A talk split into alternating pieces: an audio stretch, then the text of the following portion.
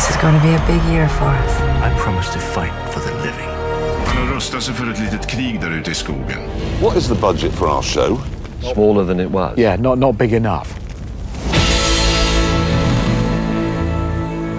Hej igen och hjärtligt varmt välkomna till Streamingpodden. Det här är då avsnitt nummer 28 och eh, det är med mig Jonas Rydholm Birmé och eh, Magnus Svensson och vi är från konsultbolaget Ivin Technology. Eh, idag har vi även äran att ha en gäst med oss. Det är Henrik Lindstrand från advokatfirman Cederqvist och eh, vi kommer återkomma till honom och han får presentera sig själv lite mer och vad han ska bidra med i det här avsnittet. Men först så ska vi berätta då den nyhet som släpptes idag och som vi alla här i Sverige har väntat på. Det är att Disney Plus kommer till Sverige den 15 september. Vi har fått ett datum nu. Eh, så då är det bara att eh, bänka er med popcorn eh, och så. Så äntligen har vi fått ett datum, eh, den 15 september. Vi återkommer till det lite mer senare. Vi ska även idag prata om eh, lite nyheter. Eh, som sagt var, det var ju WWDC igår i alla fall. Eh, fortsätter kanske idag också, jag är lite osäker. Vill du nyheter därifrån det. Eh, Microsofts satsning på en Twitch-utmanare eh, slog ner som en bomb igår också, eh, eller i måndags var det kanske, att de lägger ner och erbjuder deras partners att gå över till Facebook Gaming. Detta bara ett år efter de, de lanserade. Eh, det händer lite förändringar inom eh, det vi känner till som MPEG, ska vi prata lite mer om. Eh, Google Streaming Device eh, ska vi också gå igenom om det är någonting. Eh, och sen lite kort om hur läget ser ut för annons, annonsmarknaden kan man väl säga. Eh, och eh, det vi ska börja med att prata om och varför vi har vår gäst Henrik med här, det är att vi ska prata om eh, när vi nu i, under de här tiderna där det är begränsningar på hur många personer man får vara på ett idrottsevenemang. Ehm, och eh, det är väl ganska, ja men Allsvenskan har dragit igång här nu, det kör man utan publik och det är stora produktioner och allt sånt. Så, så den kan man ju nu faktiskt ta del av. Men det har ju varit en tid här när det faktiskt har varit möjligt för andra typer av idrottsevenemang på kanske för yngre och på lägre nivå. Eh, och där, där man som förälder till, till sina barn kanske inte eh, har möjlighet att, att titta eller vara på plats och titta och supporta som man gjort tidigare eftersom helt enkelt det blir för många personer på plats på samma ställe. Eh, och då finns det ju såklart en möjlighet med streaming att kunna, precis som att du kan streama när du spelar spel, eh, kan streama eh, från, från de här idrottsevenemangen. Och här behöver man ju då fundera på vad är det som egentligen gäller för att, för att få göra det. Eh, och därför har vi då med oss Henrik Lindstrand från, från advokatfirman Cederqvist som ska hjälpa oss med att guida oss i den här. Det är lite grann av en djungel. Eh, välkommen Henrik! Tack så mycket. Kul att vara, vara med helt enkelt. Henrik, ska du presentera dig lite kort om, om vem du är och, och advokatfirman Cederqvist lite kort? Ja, absolut. Eh, jag jobbar som sagt på advokatfirman Cederqvist eh, och jobbar företrädesvis med eh, immaterialrätt och IT-juridik i allmänhet. I det ligger också personuppgiftsfrågor i form av både GDPR men kamerabevakningslagen och andra typer av integritetsskyddande lagstiftning. Cederqvist är en eh, vad vi kallar för fullservicebyrå inom affärsjuridiken så vi gör eh, i princip allting inom affärsjuridik eh, och började faktiskt som en immaterialrättslig byrå en gång i tiden. Ehm, och generellt sett så, så är media och streaming en, en stor del i det vi sysslar med på daglig basis. Ehm, och man kan också säga att mer och mer så har flera andra områden börjat interagera kan man säga med både då media och eh, med eh, integritetsskyddslagstiftning och sådär som, som kommer, inte kanske delvis, inte enbart i konflikt men, men delvis i konflikt och delvis är lite överlappande. Mm. Det är lite av det vi ska eh, beröra senare också. Precis, och om vi då tar det här fallet som jag plockar upp då, att om vi tänker att vi har jag är coachande förälder, säger vi, eh, om, vi om vi leker med den tanken. Eh, och, eh, och jag har nu de här restriktionerna att förhålla sig till att vi, vi, vi, kan inte ha, vi får inte vara mer än 50 personer samlade på, på samma ställe. Eh, och, och då vill man ju såklart ändå erbjuda de andra föräldrarna som vill titta på sitt barn eh, spela, eh, vad det nu är för typ av idrott. Och, Eh, och då är det såklart nära till hands att man tänker sig att ja, men vi, vi livestreamar de här eh, det här evenemanget. Eh, vi, vi behöver inte göra någon ambitiös produktion i, i stil med, med eh, via, via Play och Simor och så. Men vi, vi filmar med våra mobiler, vår iPad och vi, vi strömmar det via, via någon av de här olika plattformarna som finns tillgängliga för det. Eh, så första frågan är, kan jag göra det? Eller kan vi göra det? Kan vi erbjuda det till, till, till våra medlemmar? Så att säga? Ja, det finns ju inget, eh, inget förbud mot det som sådant. Däremot så finns det, som jag var inne på, eh, en del eh, regler att beakta och förhålla sig till. Om man ska sätta det lite grann i perspektiv så kan man väl säga så att mycket av det som sker inom media är ju grundlagsskyddat och en del av yttrandefrihetsgrundlagen. Mm. Så det är på något sätt utgångspunkten i, i, i diskussionen eller i frågeställningen. Eh, men sen kommer man ju in på eh, vissa andra områden också, bland annat i materialrättsliga frågeställningar. Ehm, gäller det ehm, lägre nivåer och där det kanske inte är anordnat på ett sätt som är på elitnivå så kan man väl säga att eh, det finns inte så många andra aktörer som är intresserade av att hävda immaterialrättsliga rättigheter till själva matchen, om det är en match till exempel. Mm. Eh, men det kan vara så, beroende på vem som anordnar matchen eller tävlingen, att det finns eh, exklusivitet kan man säga hos den som anordnar eh, matchen som hindrar helt enkelt andra från att, att spela in och distribuera det inspelade materialet. Och sen var det också integritetsskyddsfrågor kopplat till det. Eh, men utgångspunkten är att du ska kunna göra det eh, och, dela helt enkelt eh, med om det är föräldrar eller andra intresserade som, som tittar på sina barn. Vem, vilka är det som skulle kunna hävda immaterialrätt i, i sådana här sammanhang skulle du tro? Ja, eh, det är lite speciellt kan man säga, för hade det varit eh, en, eh, ett musikevenemang eller en artist som hade framträtt, då hade ju själva framträdandet i sig, oavsett om det filmades eller inte, om man säger så, involverat immateriella rättigheter i form av den låt som, som framförs exempelvis. Mm. Att någon spelar in någonting som sker på en idrottsplan, det som sker på idrottsplanen i realtid är ju i sig inte skyddat från ett immaterialrättsligt perspektiv. Mm. Så det som eh, typiskt sett hanteras det är att den som anordnar tävlingen mm. Eh, är den som också bestämmer vilka som får eh, delta i publik och ja, bland åskådarna. Och mm. på så sätt också reglera vem som de facto har möjlighet att, att spela in materialet. Ehm, och det är ju så man, man har gjort i många andra sammanhang när man ger exklusivitet till någon aktör att få spela in det som sker på, på idrottsplanen. Mm. Och skulle man då eh, möjliggöra för andra att göra på samma sätt, ta med sina egna kameror och eh, liksom konkurrera, om man säger så, med den som man har gett exklusiviteten till, då, då eh, kan det innebära att man, man har immaterialrättsliga konflikter helt enkelt. Men om man säger så här, om, om jag själv skulle starta igång en liga med, med, med vårt lag och, eh, och dra ihop några andra lag, vi är kanske fem lag säger vi, som, som spelar en serie eh, på helt eget initiativ. Vi betalar själv för, för, för eventuella lokal och plankostnader och sådana saker. Då skulle vi ha den i immaterialrätten tillsammans med de andra. Ja, det skulle väl kanske inte ens uppstå någon egentligen gemensam materialrätt i, i de situationerna men, men eh, så jag tror inte att i, i, i det exemplet som du nämner att det skulle vara i materialrättsliga biten som kanske ja. är den, den första delen där utan där är det nog snarare en integritetsfråga faktiskt. Mm. Eh, vad får du spela in eh, och vad får du eh, egentligen behandla för typer av personuppgifter mm. eh, genom inspelningen av de som i övrigt är, är med och spelar eller som, som är med på bild till exempel i, som åskådare. Mm.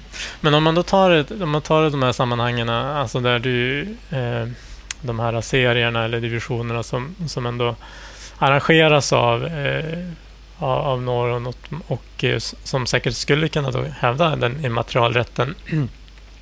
Eh, om man tar på de här låga, lägre ligorna då med, med där ungdomar spelar främst, där man ju som ungdom som spelar får ju inte betalt för att du spelar. Eh, och om vi då säger att eh, de som äger den immaterialrätten kan då såklart avbilda, spela in och, och streama. Om då, då i sin tur eh, man väljer att ta betalt för den saken, eh, hur, hur, faller, hur faller copyrighten där? Jag menar, jag, jag som, som spelande aktör, har jag i någon form, behöver jag i någon form godkänna det eller gå med på att faktiskt man används i det sammanhanget? Där kommer man in mycket på, på skulle jag säga, då, grundlagsskyddet för yttrandefriheten jämfört med integritetsskyddet för den som blir inspelad egentligen. Ehm, och där beror det lite grann på hur det här eh, sänds och vem som sänder det och för vilket ändamål man sänder det. Men, men man kan väl säga att eh, typiskt sett så trumfar yttrandefriheten eh, integritetsskyddet. Mm. Så om jag blir inspelad eh, för att jag deltar i en Eh, match eller i ett eh, idrottssammanhang eh, och har synpunkter på det så, så skulle min rätt till integritet eh, stå sig sämre jämfört med den som vill utöva sin yttrandefrihet och, och sprida informationen som spelas in. Ehm, sen finns det vissa särskilda bestämmelser i yttrandefrihetsgrundlagen som innebär att eh, kränkande material eh, och sådär inte ja, det kan vara ett brott mot, mot yttrandefrihetsgrundlagen att sprida den typen av material. Men det, och det där kan man ju såklart tycka låter konstigt, men där ska man väl då förstå att eh, varför det, den, den rätten är så stark. Det är väl att man kan tänka sig att det skulle kunna förekomma missförhållanden i något sammanhang som man, som man behöver dokumentera och som behöver eh, ja, dela med sig eller spridas av. Och då ska man inte kunna hävda immaterialrätt för att få den biten censurerad i någon form eller nedplockad. Eh, kan det, kan det stämma? Ja, återigen så, så eh, du, du, du, är inne på rätt, rätt spår, men det, det, är att hålla isär också de olika regelverken här. Man kan säga så här att yttrandefrihetsgrundlagen innebär egentligen att eh, man som enskild individ gentemot det allmänna, om man säger så, staten, har vissa rättigheter att framföra sina åsikter och synpunkter och dela det. Så det finns ett censurförbud kan man väl säga som utgångspunkt. Mm. Eh, och i det innebär också att staten inte får eh, säga till mig att jag av integritetshänsyn kopplat till GDPR till exempel inte får sprida information som jag skulle kunna få, få göra enligt yttrandefrihetsgrundlagen. Okay. Så länge den inte är då kränkande egentligen. Mm. Däremot innebär inte det att bara för att jag utövar min eh, grundlagsskyddade yttrandefrihet så innebär det inte att jag eh, inte skulle kunna eh, begå eh, intrång i någon annans materiella rättigheter. Eh, utan jag är tillförsäkrad en rätt att få sprida uppgifterna från, från statens perspektiv om man säger så. Eh, mm. Men jag kan fortfarande begå ett immaterialrättsligt intrång om jag sprider någon annans material. Mm. Så om jag, om jag då som, som coachande förälder här känner att vårt lag skulle behöva vilja dryga ut vår, vår klubbkassa eller snarare så att vi, vi längre inte kan vi får ingen försäljning av kaffe på plats, så att säga, eller kaffe och kakor. Eh, vad behöver jag göra för att det ska vara okej okay för mig att avbilda, sända och även då eh, ta en liten slant Eh, för, för att titta på det? Det kommer främst vara den närmaste kretsen, föräldrarna som kommer att titta på det. Men det, det blir ändå ett bidrag till, till klubbkassan. Hur ska jag då som coachande förälder i det sammanhanget eh, agera för att, för att göra rätt helt enkelt? Ja, man kommer in på, på frågor också kring, är det här i en, någon form av näringsverksamhet eller görs det här enbart för rent eh, liksom privat, privata skäl och av privat eh, natur? Men kan väl säga så att eh, om, det, om det delas och eh, livestreamas så är det en sådan typ av behandling eller delande eh, av material som är grundlagsskyddat. Eh, vilket innebär att jag bör av andra skäl, kanske än rent legala skäl, informera om att, att eh, det kommer ske en inspelning men, men jag kan förlita mig på att jag får dela det här. Mm. Eh, däremot om man inte gör det via livestream, eh, livestreaming eller inte heller eh, på det sätt som man tänker sig från yttrandefrihetsgrundlagens perspektiv, alltså primärt tv, ljudradio, den typen av, av ljud och bildupptagningar. Eh, då, då kommer integritetslagstiftningen eh, mer i, i spel. Och då kan jag behöva eh, lämna information om, eh, om de eh, upptagningar jag gör och eventuellt också eh, inhämta samtycken från de som, som deltar. Okej, okay, så det är skillnad om du spelar in eller om du bara livestreamar? Så att säga. Ja, livestreaming har en, en särskild reglering i yttrandefrihetsgrundlagen som innebär att man, man eh, under vissa förhållanden då har ett grundlagsskydd för, för den typen av, eh, av streaming och, och ljud och bildupptagningar. Till skillnad från om du Eh, spelar in och sen delar på ett annat sätt, då är det inte, har det inte samma skydd eh, enligt yttrandefrihetsgrundlagen. Och då kan det bli mer aktuellt att titta på integritetsaspekter i de delarna. Det här är ju superintressant och, och, eh, det här är kanske någon, det här är kanske en fundering du inte har, har funderat på, men, men jag ställer frågan ändå. Eh, det är ju, om man tar e-sport, eller kanske inte e-sport, men om du tar, tar gaming och streamers i det sammanhanget. Det, det är ju vanligt att man, man spelar in och streamar när man spelar. Eh, och om du då spelar inte bara single player utan du spelar även multiplayer, det vill säga att du har andra aktörer som är med då i din stream. Eh, vad, vad, skulle gälla i ett sånt fall? Ja, det är ju en väldigt bra fråga. Som du säger, jag har faktiskt inte reflekterat över den. Men, men eh, eh, det sker ju. Och det sker ju också mm. att man lägger det ju på, på kanaler som kanske inte heller för den delen ens är eh, omfattas av svensk rätt så är plötsligt är du inne i någon annan eh, landlag för att du sänder det på något annat sätt. Eh, men så det är, en, det, är en, det är en bra fråga som jag faktiskt inte har eh, du får, du får gå hem och grunna på den. Jag vet inte, men det, ja, men det däremot är det rösten, för du pratar ju oftast med varandra under de här spelen och då har du helt plötsligt, borde det vara samma som gäller bara, liksom, oavsett om det är liksom bild på personen eller om man hör personen. Så det borde ju ramla in där. Men sen själva spelandet, om det är vad det räknas som. Nej, exakt. Man kan fundera på vad, vilken mån är en, en personuppgift ja. också. Um, det är ju en sak att man kanske kan identifiera spelaren på något sätt, men men ska allting som sker i ett spel anses vara en, en personuppgift? Det är också mm. en intressant uh, fråga. Um, och en annan närliggande kanske är det ju också om du sen har möjlighet att kommentera på, på det som uh, på det inspelade materialet och möjliggör för den typen av uh, forum. Uh, då är du också inne i andra andra delar som, som eh, är särreglerade eh, men, men som träffas primärt ska jag säga utav eh, integritetsskyddslagstiftningen. Ja, det, är ju, det är ju väldigt vanligt att man bäddar in ett chattfönster i produktionen till exempel och då ser ju alla som tittar på den, även om man inte är med i, i chatten, ser man, ju, ser man ju vad som skrivs. Nu ligger ju oftast de här chattfönstren även offentliga på nätet, så det är väl egentligen en Ja, det, det, är väl kanske när du, när du när, som en del av terms and conditions för att vara med i den här chatten kanske du någonstans har, har godkänt att då det är publicerat på, på internet. Men det är ändå, ja, då kanske det kommer utanför den, den, den plattformen, eh, så att säga. Mm.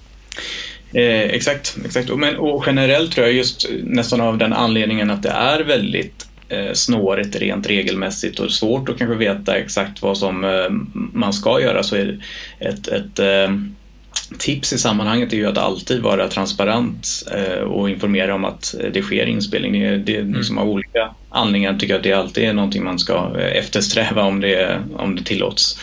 Mm. Um, också för att undvika att det överhuvudtaget uppstår frågor eller synpunkter på, på det här. För mm, om man går tillbaka till, ett första exempel så, så handlar det ju om att det är ju Eh, Eh, personer som, som inte är i sin professionella, i alla fall yrkesroll kanske, som gör de här inspelningarna på det viset. Och eh, man kan inte förvänta sig att man, man har koll på eh, varje enskild lagregel heller, utan eh, det viktigaste är att man har en bra relation med de som, eh, som deltar och, och eh, att, att det blir ett, eh, någonting som alla är nöjda med på något sätt.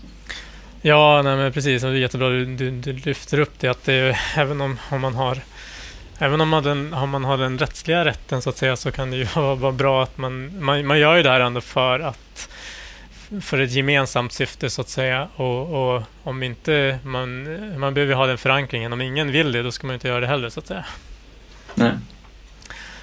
Bra. Magnus, har du några fler funderingar och frågor när vi har Henrik här på tråden? Nej, jag tycker det var intressant att få lite bakgrund även fast jag tycker fortfarande det är snårigt. Så, så jag tror jag håller mig från att filma så blir det enklare. Ja. ja, det hoppas jag inte att man gör eh, såklart heller. Men det, det, är, det, är, väl, det är väl också så att eh, juridiken har väl alltid, det ligger väl alltid lite grann efter eh, teknikutvecklingen och nya sätt att eh, distribuera och tillhandahålla digitalt material och sådär. Så det, det blir alltid lite svårt att tillämpa eh, äldre äldre regler i en ny eh, kontext. Så är det också. Ja, men det är oftast konflikt mellan kommersiella, legala och teknikskiften som kommer. Tekniken brukar springa före och sen brukar det kommersiella och legala få eh, följa upp efteråt. Mm. Jo, ja, men sen framförallt det, det som är en stor förändring är ju att från, från att det varit... Alltså nu kan ju, nu kan ju var, var och en själv eh, som amatör eh, filma och streama eller broadcasta. Och det, tidigare i den gamla världen så var det ju det var ju bara eh, broadcasters som egentligen kunde, kunde göra det mm. och då, de är ju proffs och har, har ju mycket koll på alla de här sakerna. Eh, och därför jag tycker det är intressant just med, med gaming-aspekten här eh, där det är kanske många gånger förhållandevis unga personer som, som, som blir någon form av utsändande eh, entitet eh, mm. och verkligen inte kanske förväntas ha, ha, ha koll på alla de här uh, reglerna kring, kring, kring allting. Och där är det såklart det är viktigt att, att har man hela tiden in, respekten för andras integritet i, i, i åtanke, då, då, tror jag man kommer ganska långt. Men det är fortfarande svårt att göra helt rätt alltid. Mm. Ja, det får bli en, en separat, eh, separat avsnitt kring eh, gaming helt enkelt. Ja, ja men det får jag. Och apropå gaming då, för att göra en, en snygg övergång här, så ska vi då hoppa vidare till nästa grej. Och det är att Microsofts satsning eh, som heter Mixer, eh, som väl skulle utmana Twitch. Eh, och Twitch som alla vet är en stor plattform för just eh, sändande gamers. och eh, läggs ner, fick vi veta här i måndags tror jag det var. Eller om det var igår, jag minns inte. Och eh, deras partners erbjuds att eh, gå över till Facebook Gaming. Och de signade ju här eh, för inte så länge sedan två stora namn inom eh, e-, e-sportsvärlden eller gamingvärlden eh, som nu då funderar väl på om de ska gå till Facebook Gaming eller om de ska gå tillbaka till Twitch och så vidare. Men de är i alla fall alla, alla som hade signat upp med Mixer exklusivt, de hade möjlighet att, att gå till, till någon annan plattform. Eh, så det här är ju... Det visar ju på, tycker jag, eh, hur stort eh, och dominerande Twitch är som inte bara en teknikplattform, för det är ju en sak, men de är ju, de är ju, verkar ju vara väldigt dominerande på, på så att säga, som den sociala gamingplattformen eller broadcaster eller vilket namn vi ska ge dem. Eller vad säger du Magnus? Jag tror det visar också lite på hur, hur oklar businessmodellerna runt e-sport och gaming och de här grejerna kommer in lite. För att jag tror att Twitch har tagit så pass stor del så det, jag, tror, jag tror det helt enkelt är svårt att tjäna pengar på, på, på eh, gaming-biten så att säga. Mm. Men det är också att det, det är väldigt knutet till eh, var själva communityt finns. Mm. Det, det, handlar ju väldigt mycket mer om vilken kanal du ska vara med i snarare än... än eh, det finns ju... Jag tror det finns få som funderar på ja, jag bygger upp min egen, min egen eh, plattform för, för mitt varumärke. Eh, I, alla fall, I alla fall just nu. Eh, mm just nu så är du extremt beroende av, av framförallt Twitch. För man tittar ju på vilka pengar som är inblandat. Jag läste bland annat den här Ninja som var en av dem som har signat med Mixer. Han var ju värd hela mm. 280 miljoner. Mm. Bara ja, det, det... signing för det. Så att vi, vi pratar ju siffror som är som i vilken toppidrott som helst. Fast skillnaden är ju att här är ju, är ju någon form av, det är inte ett det är inte ett fotbollslag som signar, utan, eller alltså ett team eller ett lag som signar på det sättet, utan det är ju, det är ju en kanal, eller vad ska man mm. säga? En broadcaster i någon form. Eh, jo, så det, det här kan man ju jämföra med fotbollen. Det är ju lite som, som att, att uh, men broadcast skulle signa med individuella spelare i princip, eller individuella mm. lag. Precis, du får, du, får, du får spela med vilket lag du vill, men bara att uh, vi kan sända dem på vår kanal. Ja. Typ. Ja, det här är, det är inte, ja, jag tror att det är en snårig skog plus att, att Twitch var så pass starka snabbt. Så att de har, jag tror det är svårt att konkurrera med det också.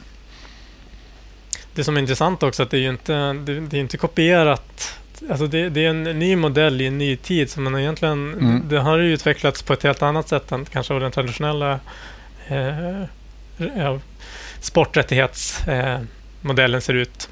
Mm. Ja, det ska faktiskt bli intressant att se för att man, man ser ju nu under de här tiderna nu när de traditionella sporterna har kom, bara kommit igång på, på tv-sändningar så ser man ju lite hur torftigt det blir utan publik och jag tror att de har mycket att lära av gaming och, och e-sport.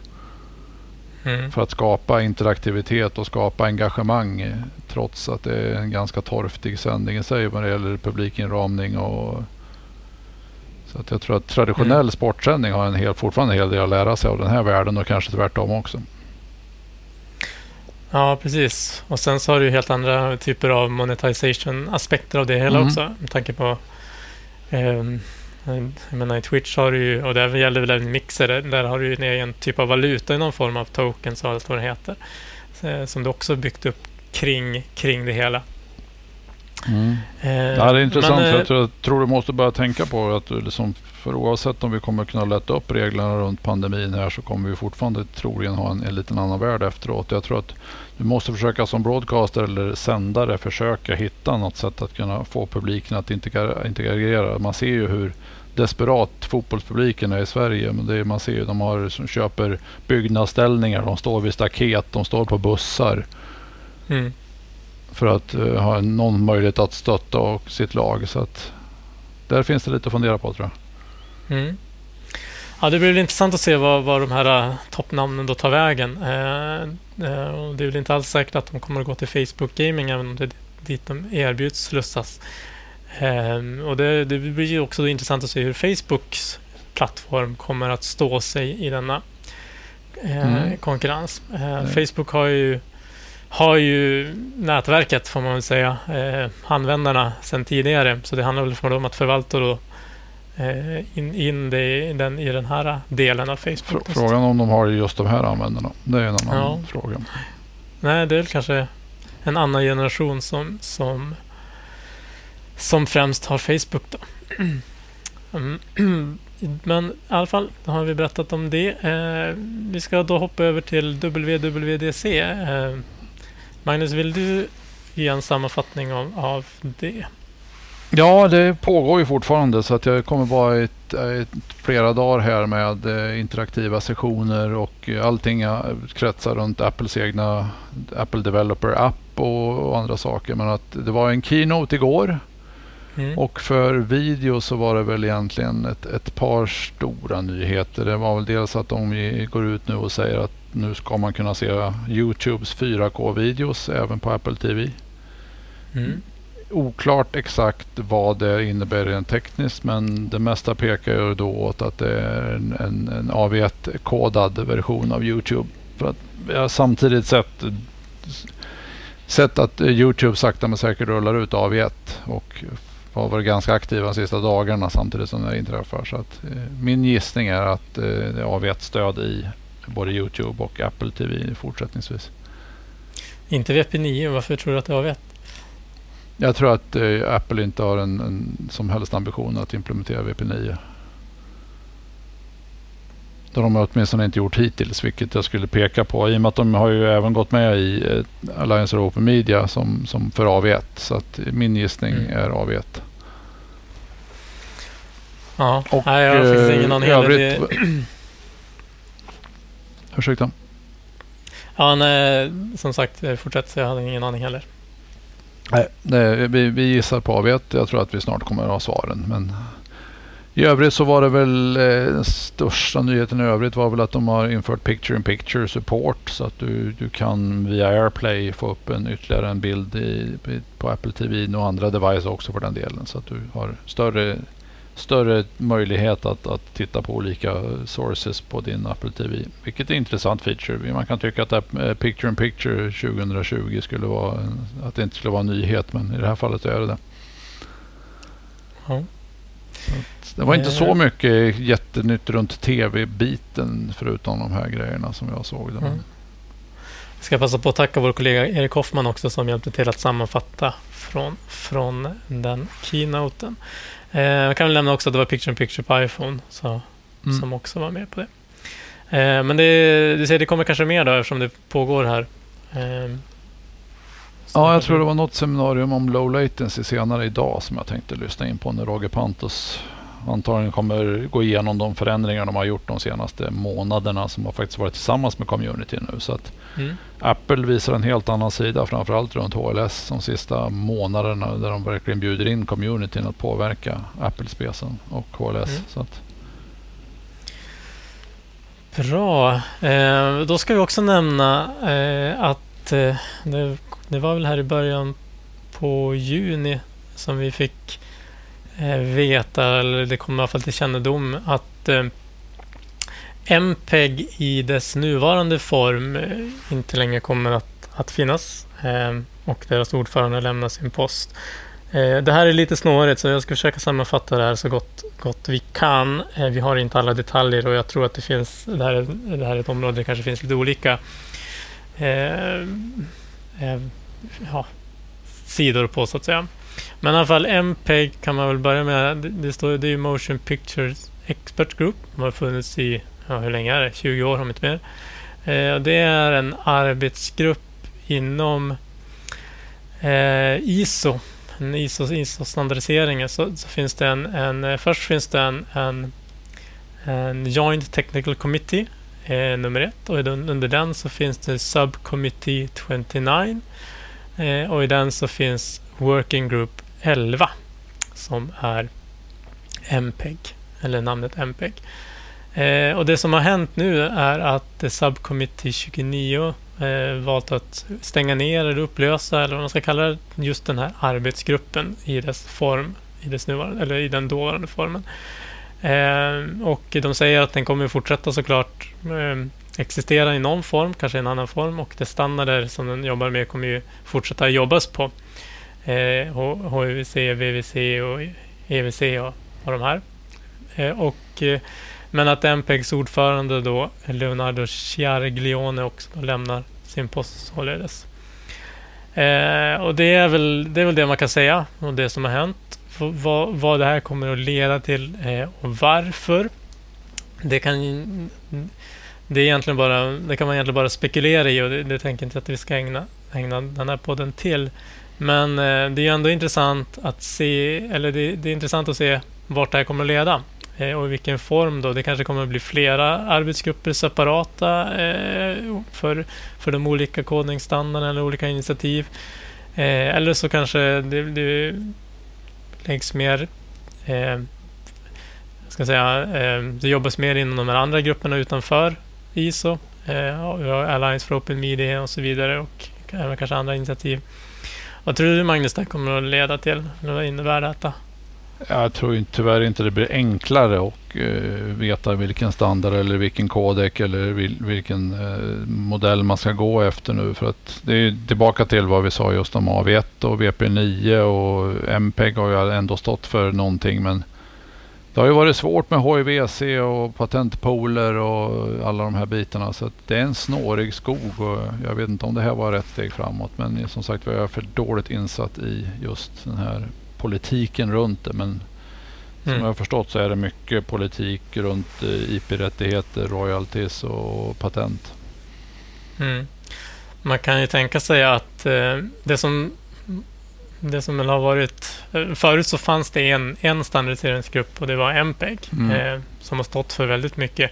De har ju blivit förknippat med media på samma sätt som ett JPEG som en annan expertgrupp. Om man tänker mycket på bild så MPEG stått mycket för, för video och eh, eh, har väl varit rätt alena på det. Då. Och, men när det sen finns andra grupperingar eller expertgrupper eller allianser och så vidare då behöver de kanske omforma sitt, sitt sitt arbet, arbetssätt kanske. Ja, jag tror det är nytänk som krävs. Jag tror att de här klassiska standardiseringarna som har ju på något vis ebbats ut i och med att det kommer upp konkurrerande standardiseringsorgan. Mm. Och det får man väl säga, på online-sidan så har ju inte HEVC riktigt tagit fart. Eh, det är det som används på broadcaster-sidan och mm. så, men, men på online-sidan så är det ju eh, har de ju inte alls fått den traction som kanske Mycket hade behövts för att den oklara royalty och, och pengafrågan skulle jag säga. Till viss, till viss del är det det. men också att det finns ett alternativ tror jag. För hade det inte funnits något annat alternativ då hade ju situationen varit egentligen Mm. som när det var med AVC och så. Mm. Eh, och då, fanns det ju, då, då fick man ju anpassa sig snarare. Men nu när det, när det finns andra standardiseringar eller andra standarder eh, som i någon form ja, konkurrerar, eller i alla fall kompletterar, eller vilket ord man vill använda mot det, så då behöver man kanske omforma. Man är inte längre en, ena råda, så att säga. Eh, Okej, eh, vi hoppar vidare till en, en ny streaming-device från Google. Eh, vad är det vi vet om det, Magnus?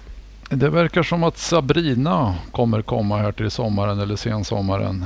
Eh, det är Googles senaste streaming device som är egentligen en Android TV. En, en merge av Android TV och Chromecast. Så att, Mm. ehm, de gör en, ett ytterligare försök att, att ta sig in på, på marknaden som, som home screen eller som eh, big screen upplevelsen. En liten Chromecast-liknande dongel som eh, ryktet säger 80 dollar eh, rangen vilket är ganska dyrt. Så att den, den borde då innehålla en hel del bra features för att du får både Roku och Fire Stick för, för halva priset. Så att, Mm. men eh, kan de bundla det på något snyggt sätt och paketera lite content, typ Youtube och, och andra saker som... Men den är lite nu- kraftigare processor än Chromecasten då gissar jag. Absolut, så att det, det är Mm. ju egentligen... De sakta men säkert äter ju sig in med Android TV och de här bitarna. Så att, Mm. eh, jag, jag, tror att det, jag tror att det kan faktiskt lyckas ganska bra konkurrera med, med övriga branschen på det här. Och kan de sen bundla in lite snyggt med lite content och ett, ett trevligt användargränssnitt runt, runt Android TV här så, Mm. så tror jag att Google sakta men säkert kan börja konkurrera att ta, ta eh, big screen-upplevelsen. Precis, eller så får det bli om tio år när vi fortsätter, om vi fortsätter podda, då blir det en sån här saker som aldrig slog. Mm, vi, vi kan lägga Sabrina i den högen. Och potentiell hög får vi se om, de, om det är den vi plockar upp sen. Ja. Eh, vi får väl se helt enkelt. Eh, Mm. då, Um, ja, så nästa sak vi ska prata om eh, tänker jag, det är ju att det här med annon- annonsering. Eller avbudssidan. Det, det, när, när pandemin drog igång så blev det ju lite grann halt på hela den, den delen. Många, ja, men många som annonserade var ju resebolag, hotellkedjor och allt sånt där. Och det är klart att de gör inte det längre i den utsträckningen. Och alla event och evenemang och sånt eh, ställdes ju in. eh, Och fanns ju inget utrymme för marknadsföring kring det heller då. Men eh, det ser ut som att det börjar vända lite grann så smått. Eh, Eller hur Magnus? Mm, jo, vi ser faktiskt många signaler på det. Att, att jag tror det var Discoverys VD som gick ut här förra veckan och sa att de ser en, en snabbare än väntat återhämtning på annonssidan. Och vi, vi får samma signaler från den, från den svenska marknaden också. Så att, Mm och eh, jag såg nu senast häromdagen så var det tydliga tecken på att eh, Hulu och Disney och hela Disney-koncernen har kraftsamlat runt annonsering och eh, tittar på lite nya annonseringsformat där det har lite mer interaktivitet med QR-koder, pushnotiser och, och sådana saker runt det. Så att jag tror att annonsmarknaden vädrar morgonluft här nu igen efter en, en ganska brutal nedgång i början av mars här.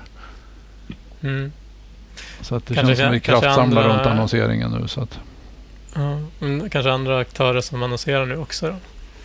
Och jag tror att man och söker sig till säkrare källor också. Man kanske flyttar sig från sociala medier och in i, i traditionella broadcasters och, och, och mer Mm. stabil content för att, att säkerställa att sin reklam verkligen visas i, i rätt sammanhang. Mm. Ja, nej, men det, det är ju glädjande säkert för många att få höra det. Eh, att det ser ut Ja, lite positiva sig. nyheter här i, Mm. i slutet av podden. Eh, och sist då, men inte minst, det vi inledde då med Disney Plus Magnus. 15 september. Mm, Vad är det för datum? Är det en, vad är det för veckodag? Tro. Jag vet 15 inte. september. Det är oklart. Men En det känns väl som någonting som man eh, måste hoppa på på en gång bara för att, att se vad det är. De kommer lägga, lägga sig på de väntade priserna. Jag tror det var 69 kronor jag såg att det kommer kosta. Så Okej. Förhållandevis billigt. Ja. Ja, men eh, det blir ju spännande. Det har vi ju länge väntat på just få det där datumet. Eh, så då, från, då har vi en ytterligare aktör på den svenska streamingmarknaden som ska konkurrera om både vår tid och plånbok helt enkelt. Ja, det ska bli intressant att se vad, vad som händer i övrigt då om man säger så. För Sverige har ju varit ganska stabilt vad det gäller runt tre abonnemang eller två abonnemang per, per hushåll. Och kommer mm. vi lägga till Disney eller kommer vi plocka bort någonting? Eller kommer vi se nedgång på de svenska spelarna eller kommer vi se nedgång för Netflix? Eller kommer vi lägga mer pengar på, på streaming? Det... Och vad tror vi det finns för bundlingar att vänta oss kring det? Om några? Disney har inte riktigt några bundlingar i, ja, det är om de, de, om de gör någon partnerskap med någon av våra distributörer. Som skulle mm. kunna vara ett alternativ. Men annars så Hulu och ISBN-möjligheterna som de bundlar med i andra delar och framförallt USA är inte riktigt lika aktuella i Sverige mm. än skulle jag säga. Även om jag ser, vet mm. att Hulu har internationella planer. Mm. Ja, men med det sagt så tror jag vi avrundar dagens podd eh, och Eh, ett stort tack till dig Henrik som ville vara med. Tack så mycket. Och hjälpa till att reda ut de här frågeställningarna som vi hade. Eh, och Magnus, tack för att du var med en gång som vanligt. Mm. Och eh, med det sagt så kanske det här blir sista avsnittet innan ett sommaruppehåll. Vi får se helt enkelt, men det lutar nog väldigt mycket åt det. Och om det är så så får vi passa på att önska en, en glad sommar och vi ses sen i höst. Ni har lyssnat på Streamingpodden. En podcast för dig som är intresserad av streamingteknik och nyheter i området. Programmet produceras av Ivin Technology, leverantörsoberoende specialister inom videoteknik och mediedistribution.